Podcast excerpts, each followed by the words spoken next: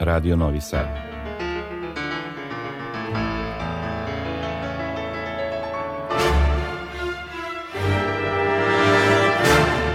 Domaća muzička scena.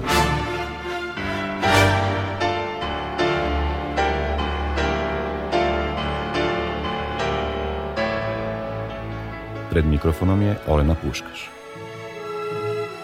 Dobro večer, želim vam na početku našeg novog susreta na talasima Radio Novog Sada. S toplim danima kao da se zagrevaju i vraćaju u život sve one aktivnosti koje su cele zime bile u hibernaciji, čekajući povoljan trenutak da se pojave. U našu redakciju stiže sve više najava muzičkih dešavanja, a to obećava da će u narednom periodu biti veoma živo i raspevano. Naravno da se svi tome radujemo, jer smo dugo bili primorani da se zarad očuvanja zdravlja odričemo svega što podrazumeva okupljanje i druženje većeg broja ljudi. Večeras je u Novom Sadu počeo šesti festival akordeonista Eufonija, a za desetak dana održat će se i Vojvođanski festival gitare kao i manifestacija Dani barokne muzike – To je ono što je za sada izvesno, ali bit će još dosta pojedinačnih događanja na izboru za publiku koja je željno i dugo čekala da sve opet bude kao nekada. O tome ćemo ponešto reći u narednih stotinu minuta uz šarolik izbor muzike koji večeras otvara duo Rezonans iz Grčke. Čine ga klarinetista Kacanis i harmonikaš George Lolas, koji su na trećem međunarodnom festivalu Eufonije nastupili i između ostalog izveli ovaj devojački ples Stanislave Gajić.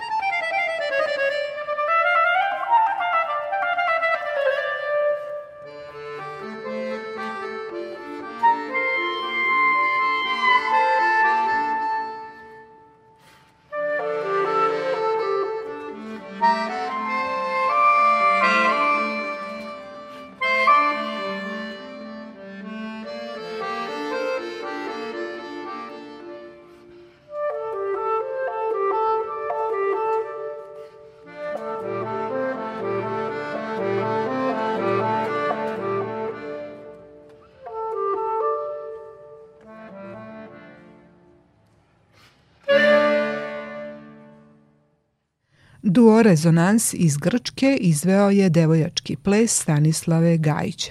A u najavi rekoh da je večeras u sinagogi počelo šesto izdanje festivala Eufonija.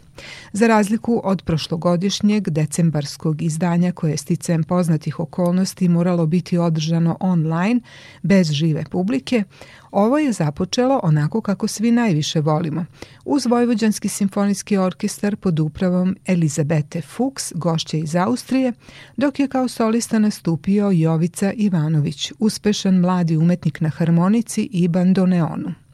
Kako su najavili organizatori iz udruženja Eufonija, ovogodišnje izdanje biće obojeno tango zvucima Astora Piazzole, povodom obeležavanja veka od rođenja ovog planetarno popularnog kompozitora, čija je muzika indirektno doprinela promociji harmonike na svetskoj muzičkoj sceni. Večerašnji koncert zabeležila je naša terensko-produkcijska ekipa i imaćete priliku da ga u celini čujete u nekoj od narednih emisija u ovom terminu. A večeras ću reći nešto o sadržaju ovogodišnjeg festivala Eufonija koji će pored ovog večerašnjeg koncerta činiti još dva. Pre toga poslušat ćemo još jednu tačku zabeleženu ranijih godina na toj manifestaciji.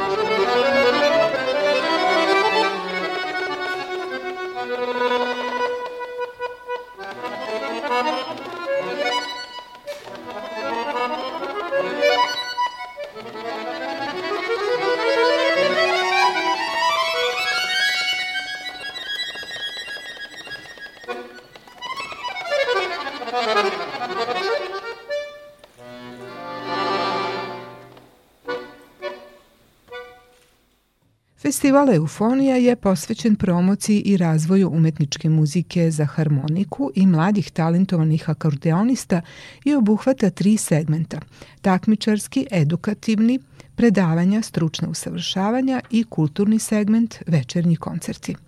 Festival je po svojoj programskoj koncepciji jedinstven u našoj zemlji i ima za cilj da postane vodeća manifestacija tog tipa u ovom delu Evrope, promovišući grad Novi Sad kao grad harmonike.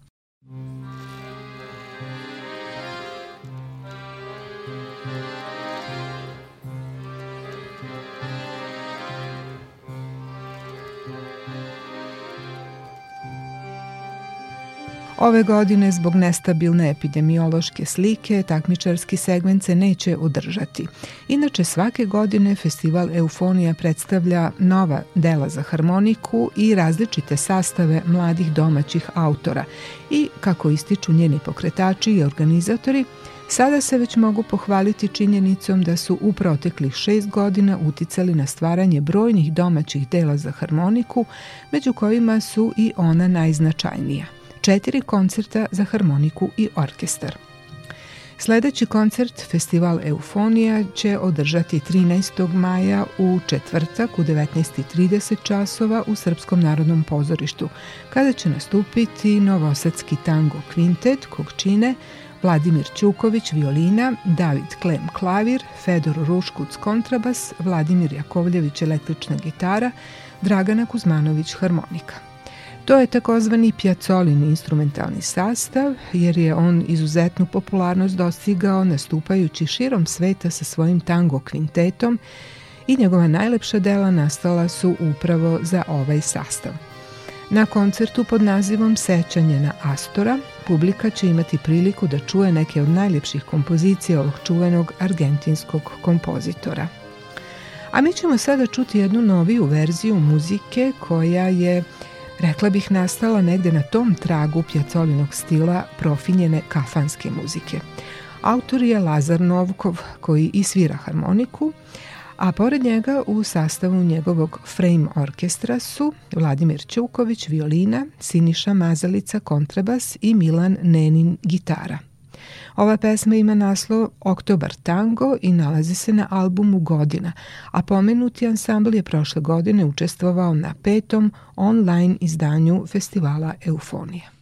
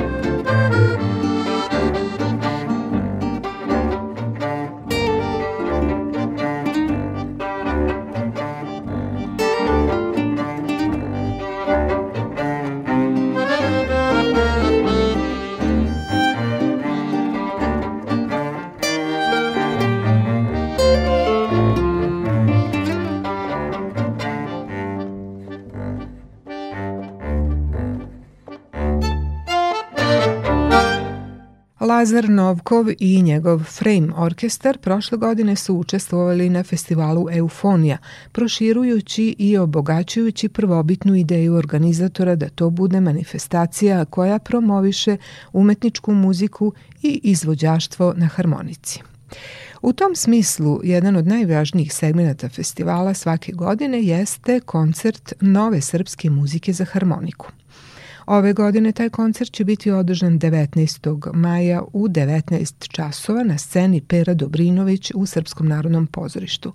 I tom prilikom će svečano biti uručene nagrade kompozitorima, učesnicima prošlogodišnjeg konkursa Eufonije za nova dela za harmoniku. Ove godine koncert će imati naslov Luča mikrokozma, nova srpska muzika za harmoniku, što znači da je inspirisan stihovima Petra Petrovića Njegoša. Tada će se premijerno izvesti dela četiri mlada kompozitora, Vladimira Koraća, Luke Čubrila, Ljubomira Nikolića i Tamare Knežević. Odabrani kompozitori u sinergiji s muzičarima Lukom Lopičićem harmonika, Srđanom Sretenovićem violončelo, Milanom Savićem saksofon i sjajnim naratorom, bardom srpske glumačke scene Petrom Božovićem, Publici će predstaviti muzički prikaz jedne od najlepših poema Petra Petrovića Njegoša, Luča Mikrokozma. Kao što vidite, organizatori iz Eufonije pripremili su sadržajan program. Svi koji žele uživo da čuju nešto od ovog mogu da nabave karte koje se prodaju na biletarnici Srpskog narodnog pozorišta. A ovaj segment emisije zaokružit ćemo jednom sjajnom interpretacijom U pitanju je ciklus Planete Gustava Holsta, koji je u aranžmanu Luke Lopičića za klavir, harmoniku i udaraljke izveden prošle godine na online otvaranju petog festivala Eufonija. Slušamo planetu Merkur s podnaslovom Krilati glasnik. Sviraju Luka Lopičić na harmonici i Dušan Grozdanović na klaviru.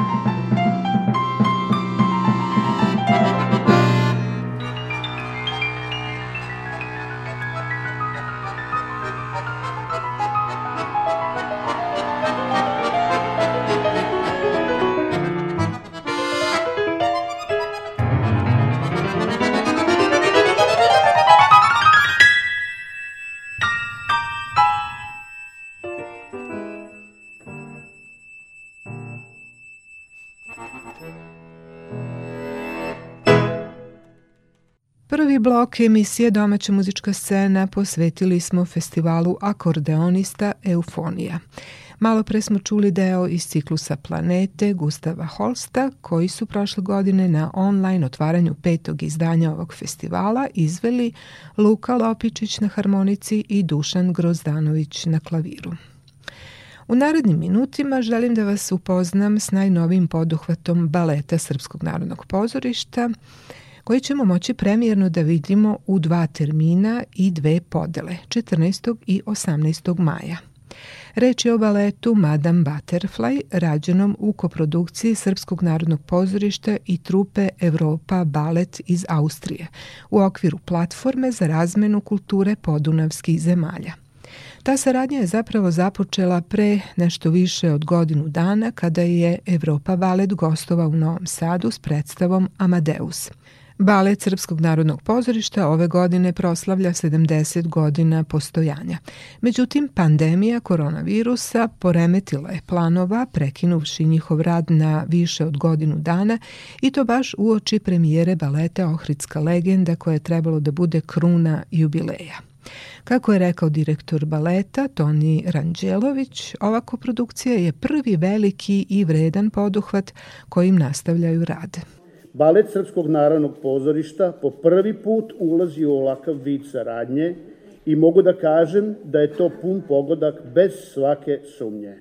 Ovo delo je napravljeno kao celovečernji balet u dva čina jedne moderne estetike i neoklasike koje svakako povezuje i prostorno i kulturološki autorski tim na čelu sa gospodinom Peterom Brojerom, i baletske umetnike dve evropske baletske kuće. Po prvi put Srpsko narodno pozorište ima baletsku predstavu Madame Butterfly. Povezali smo pet država ovim projektom. Austriju, Nemačku, Japan, Sloveniju i Srbiju. Mogu slobodno da kažem da je ova predstava uvod u titulu Novi Sad, Evropska predstavnica kulture 2022 na pravi način. Ova vremena su veoma teška za čovečanstvo. COVID-19 nas je potpuno zaustavio u životu, u radu, razdvojio nas je od najmilijih. Mi u baletu smo potpuno zaustavljeni u našem životu i radu. Zabranjeno nam, nam je rad, probe, predstave u Srpskom narodnom pozorištu, ali izdržali smo sve pritiske, preživeli smo i COVID-19 i pokazali neverovatnu želju za životom. Neka ovo povezivanje i otvaranje, to jest saradnja ovih država ovim projektom, to jest neka balet bude spojnica nekom lepšem, srećnijem i zdravljijem životu.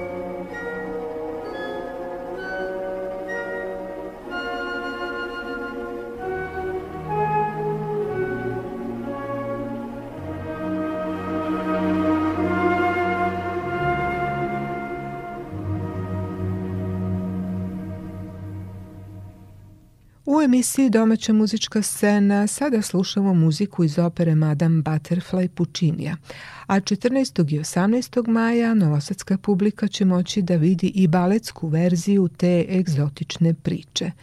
Sadržaj govori o ljubavi nežne japanske gejše i američkog oficira. Kroz sudar dve udaljene kulture i dva potpuno različita pogleda na svet koji dovodi do tragičnog kraja. Međutim, koreograf ove verzije, Peter Brojer, je u nekim detaljima modifikovao libretto i napravio nešto drugačiju priču. Of course, the Puccini was for me it's beautiful and but I wanted to say Naravno Puccini e, je mene fascinirao od uvek, ali ja sam želeo o ovoj priči da kažem još nešto. i ovo nije samo priča o Madame Butterfly, nego je takođe i priča o, o princezi meseca, to je stara japanska tradicionalna priča. So it will start like on the moon and The Moon Princess is... Znači, mi počinjemo na mesecu gde princeza meseca želi da siđe na zemlju kako bi osetila ljudska osjećanja i stvorila to iskustvo. That's what opened for me a, a big range of emotions and of feeling, which is.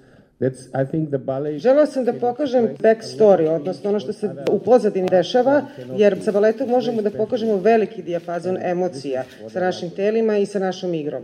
I used a lot of Japanese music, big orchestra music with... Što se muzike tiče, šaroliko je i veliki dijapazon muzike, to je tradicionalna japanska muzika, moderna muzika. Neke su uh, kompozicije pravljene upravo za ovu predstavu, uh, naravno biće i Puccini, jedna velika arija i još samo jedan deo koji se ne peva, uh, tako da mislim da ćete uživati u svemu tome.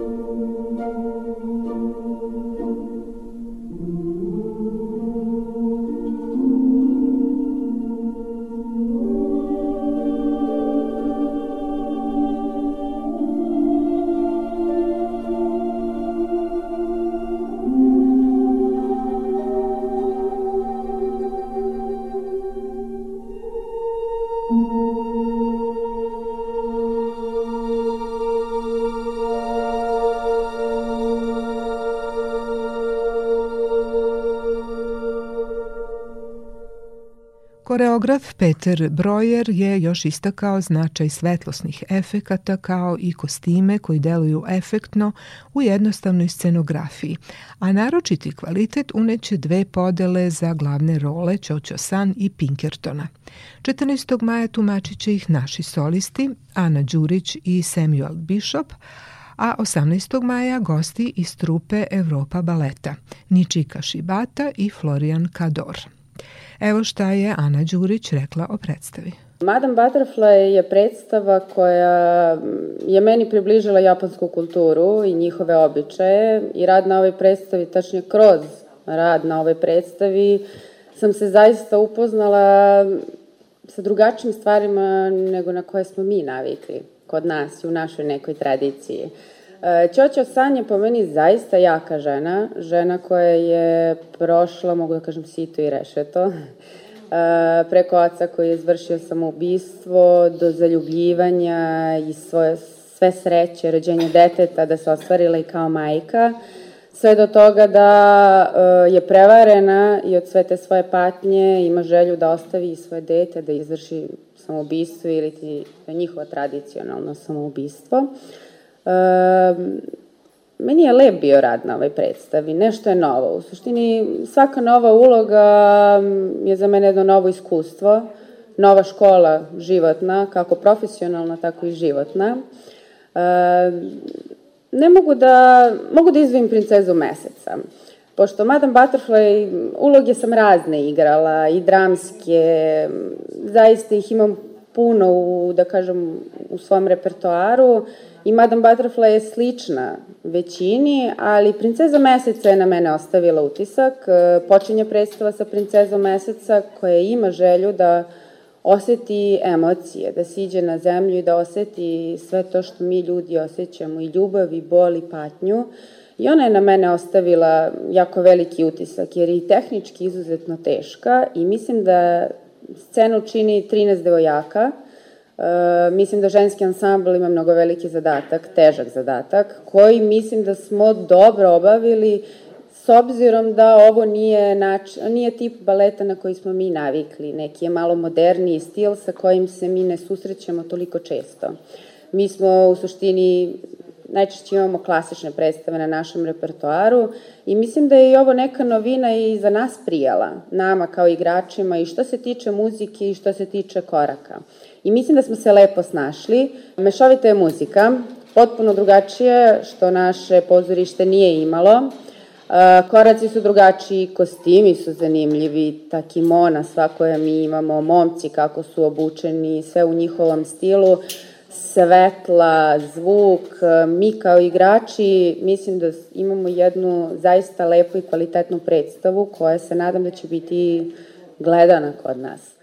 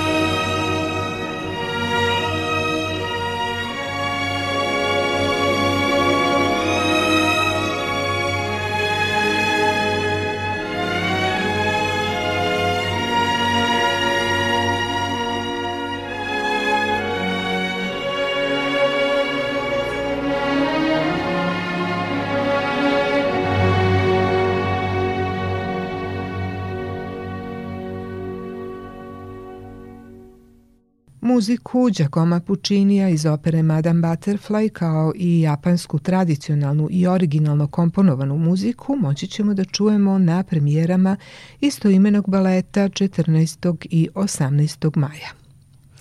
U proteklim minutima govorili smo o detaljima ove koprodukcije Srpskog narodnog pozorišta i austrijske trupe Evropa Balet. U emisiji Domaća muzička scena sada prelazimo na novu temu – opet na neki način vezanu za operu. Radi se o danima Miroslava Čangalovića, manifestaciji koja je pokrenuta lane, a ove godine uveliko se priprema drugo izdanje kojim će se obeležiti 100 godina od rođenja ovog našeg velikog basa, nekadašnjeg soliste Beogradske opere. Kako to da je Srpsko narodno pozorište jedan od organizatora ove manifestacije, objasnio je upravnik Zoran Đerić. Miroslav Čangalović je ličnost koja je bila mnogo više vezana za Beograd i Narodno pozorište. Međutim, sticam okolnosti, Narodno pozorište nije pokazalo neki veliki interes za njega i malo je ostavilo ga po strani, jednu takvu izuzetnu pevačku i glumačku ličnost ovaj, zanemariti, to činilo nam se kao da je velika nepravda, a posebno kojemu u vidu da je on izuzetno značajan, znači bio i za Srpsko narodno pozorište u kome je nastupao više puta, ali isto i za ceo taj neki teren ovaj, koji je pokrivao nastupajući, pevajući ne samo operske arije, već i neke popularne pesme koje su bile u to vreme na njegovom repertoaru. Meni je drago da smo uspeli da jednu ovako ozbiljnu manifestaciju uradimo brzo, ali da smo dobili za to evo, prvi put ozbiljnu podršku od vlade pokrajine Vojvodine i da smo, zahvaljujući toj činjenici, ove godine ovaj, ušli vrlo ambiciozno sa tom monografijom i sa filmom. I da to obećava da ćemo i u buduće moći da ove e, naše planove realizujemo onako kako smo ih zamislili. E, prošle godine nam je malo korona omela ovaj, e, jednu ideju s kojom smo bili krenuli kad su u pitanju dani, a to je e, dodala nagrade sa imenom Miroslava Čangalovića, a ta nagrada je ovaj, namenjena e, pevačima, pre svega studentima solo pevanja. Prošle godine nismo to mogli da realizujemo, budući da nastava nije bila organizovana, tako da je e, dodeljeno ipak tri počasne nagrade i tri uh, pevača koji su uglavnom vezani za našu kuću su dobili te nagrade. E, ovaj, Andrić, e, Babić i Strahimir Đokić. Ove godine očekujemo da će se akademije odazvati, da će poslati svoje predloge, pa će onda žiri na kraju odabrati tri ili više ovaj, dobitnika nagrade Miroslava Čangalović, koja treba da bude znači, dodeljena u okviru ove manifestacije. Krenuli smo na vreme. Nadam se da ćemo uspeti sve što smo planirali da realizujemo i da će ovaj, ova manifestacija znači, početi da bude i prepoznatljiva u krugu tih muzičkih, uopšte kulturnih manifestacija u našem gradu, ali ona će imati i neki svoj život van Novog Sada i Vojvodine,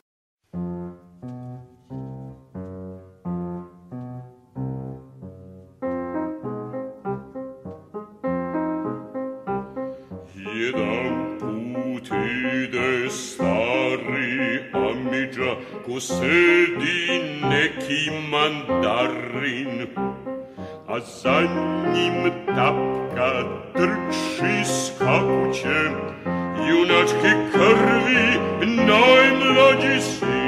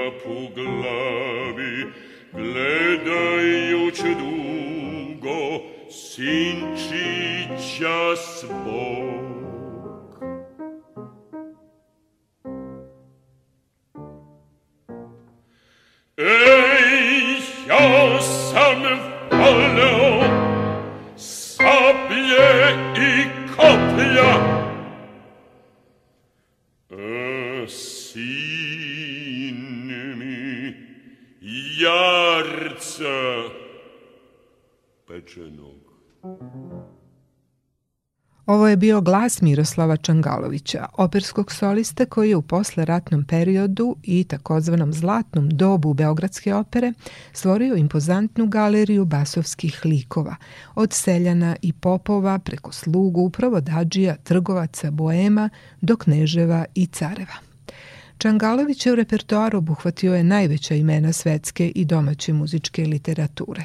Svim likovima koje je tumačio, a bilo ih je preko 20, prilazio je s istom prilježnošću i studioznošću. Ove godine navršilo se 100 godina od njegovog rođenja, a za septembar se priprema manifestacija kojom će se osvežiti sećanje novog velikog umetnika. U organizaciji učestvuje i zavičajno udruženje Glamočko kolo, Sada ćemo čuti šta o tome kaže njihov predsjednik Perica Milutin. Kad smo videli da 2019. niko se ne oglašava povodom 20 godišnjice upokojenja Miroslava Čengalovića, mi smo pozvali njegovu čerku Mirjanu sa jednim pitanjem da li se slaže da to udruženje bude pokretač inicijative za formiranje ove manifestacije. Ona je podržala to ovaj, tu inicijativu i zahvaljujući Srpskom narodnom pozorištu mi smo 2019. godine imali taj program povodom 20. godišnjice upokoljenja. Rodila se ideja da zajednički napravimo manifestaciju uz podršku Matice Srpske i ja moram stvarno da zahvalim u ime svih ljudi koji su iz tog kraja porekla na podršci koje je dalo Srpsko narodno podržište koje je dalo Matica Srpska, da se napravi jedna manifestacija A, ljudi malo znaju o Miroslavu Čungaloviću, nažalost, on je toliko skrajnut o našoj istoriji, da sam se ja zaprepastio ljudi koji su iz a, tog miljeja kulturnog da u principu i ne znaju ko je Miroslav Čungalović i šta je. Čuli su neko ime i to je ostalo na tome.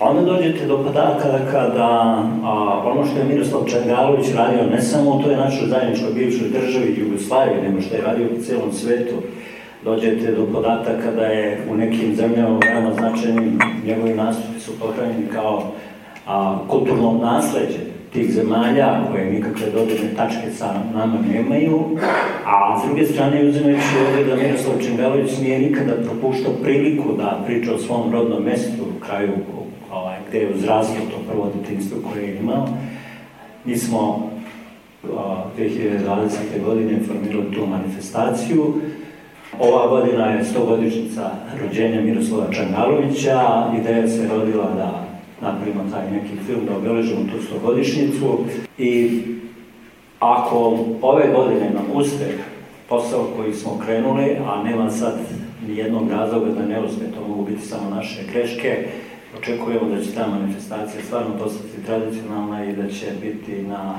polzu svi u nas.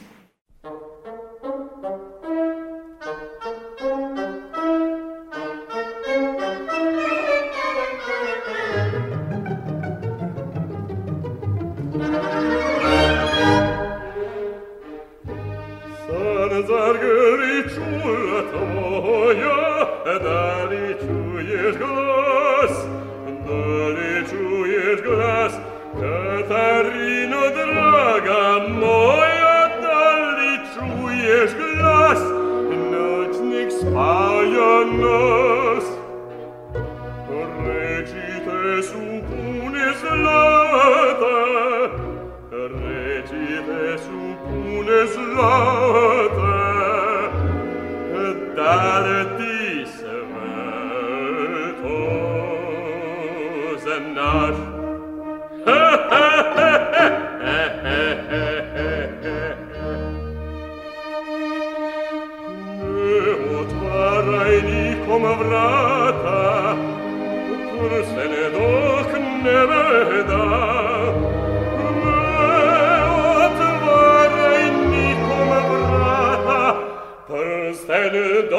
can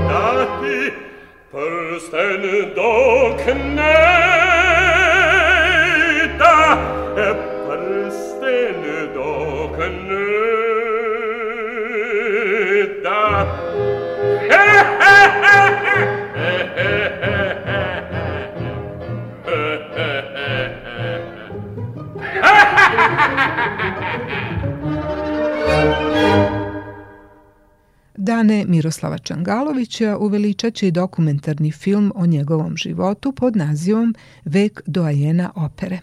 Rediteljka Nada Savić rekla je nešto više o tome.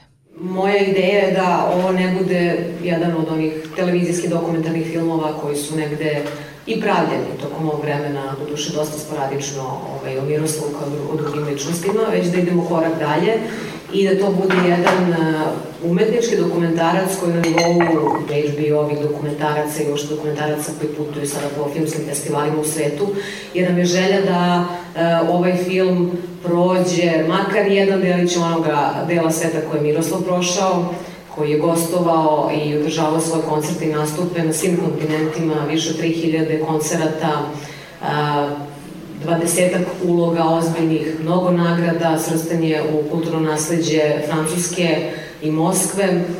I imamo nameru, ako nam korona i situacija to dozvoli, da i u tim gradovima snimamo i da i njihovu arhivu dobijemo za ovaj film, a film će biti, kao što sam i rekla, umetnički dokumentara, znači osim nekakvih uh, arhivskih dokumenta i, i materijala imaćemo i intervjue, ali i određene stilizacije i, i neko naše putešestvije će u duhu i sa duhom Miroslava da prođe ponovo svetom i nadam se da ugostane u tom svom festivalskom životu, nakon toga i eventualno na nekim platformama, što će omogućiti i širokom auditorijumu da ga uvek iznova iznova gleda. Naravno, mi ulazimo sada i u pregovore i dogovore konkretne sa našim televizijama, tako da će film sigurno imati svoj televizijski život.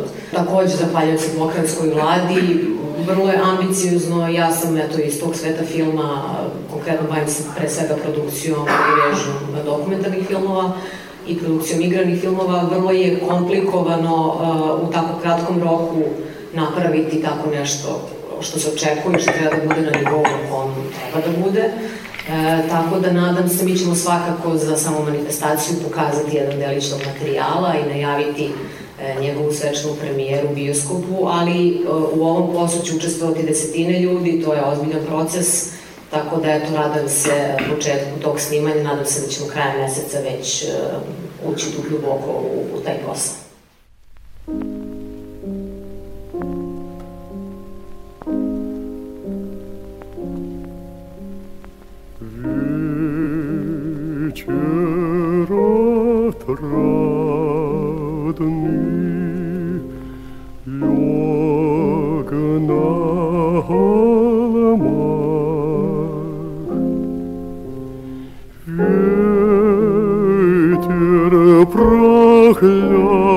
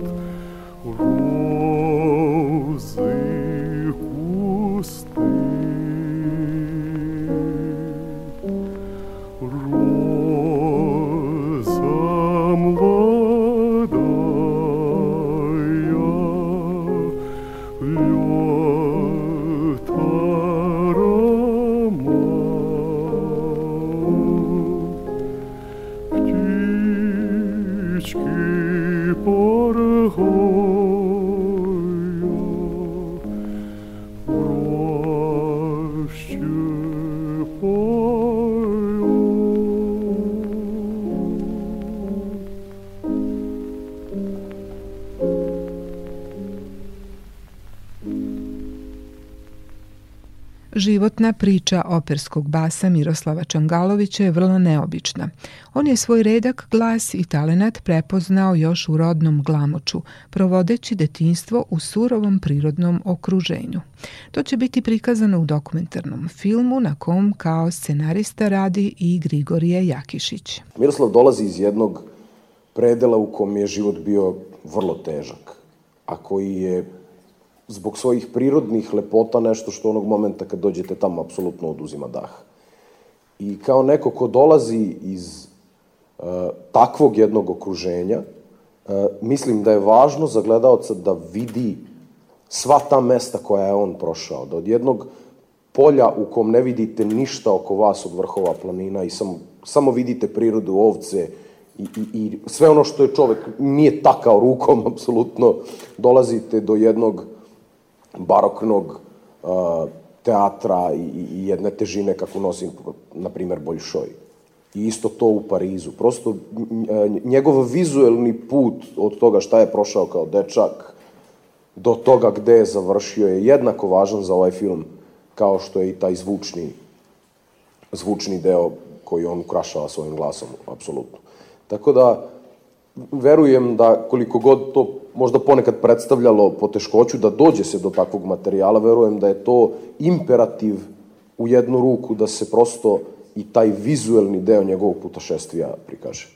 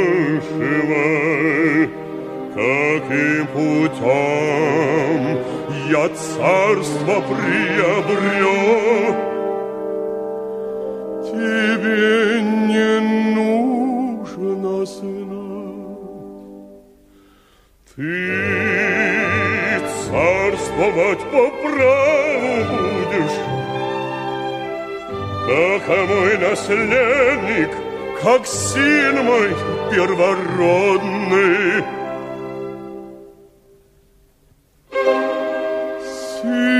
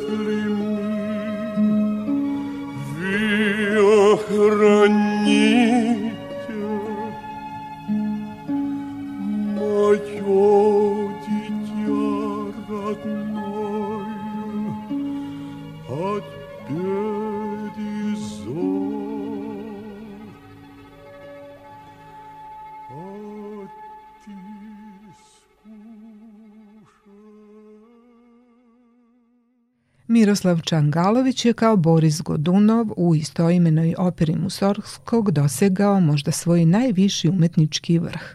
A pre nego što čujemo još jedan fragment, čućete nešto i o monografiji koja takođe treba da se promoviše u septembru na danima Miroslava Čangalovića. Knjigu priprema muzikolog Nemanja Sovtić.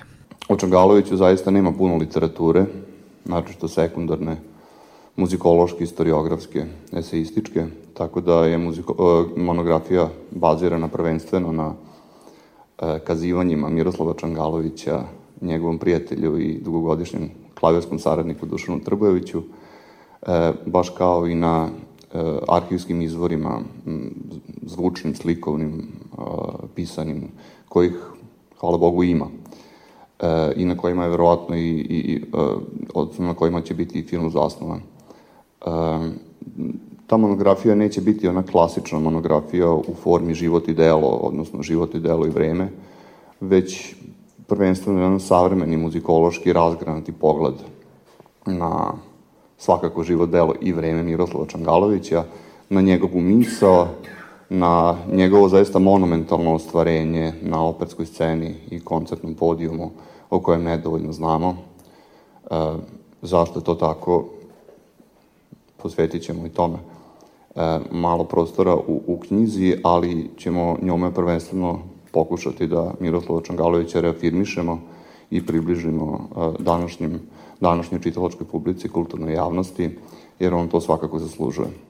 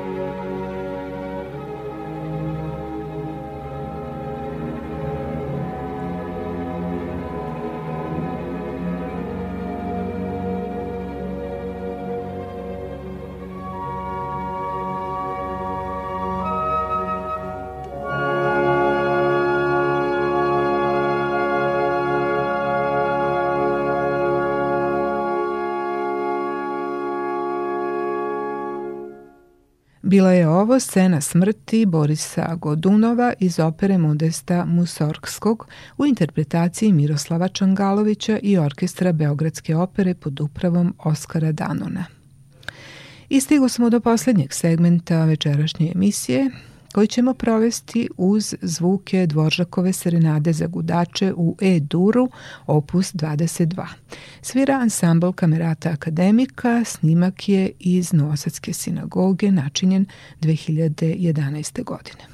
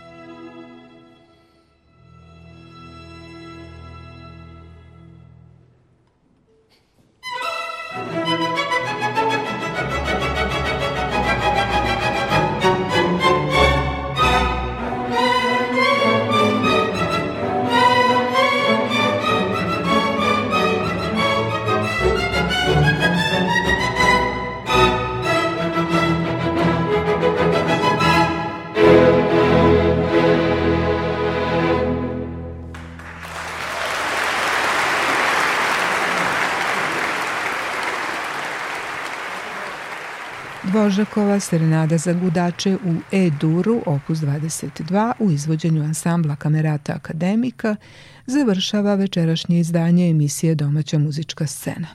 Ostaje mi samo da se pozdravim s vama. Ton majstor je bio Aleksandar Sivč, moje ime je Olena Puškaš. Šaljemo vam srdečne pozdrave iz studija Radio Novog Sada.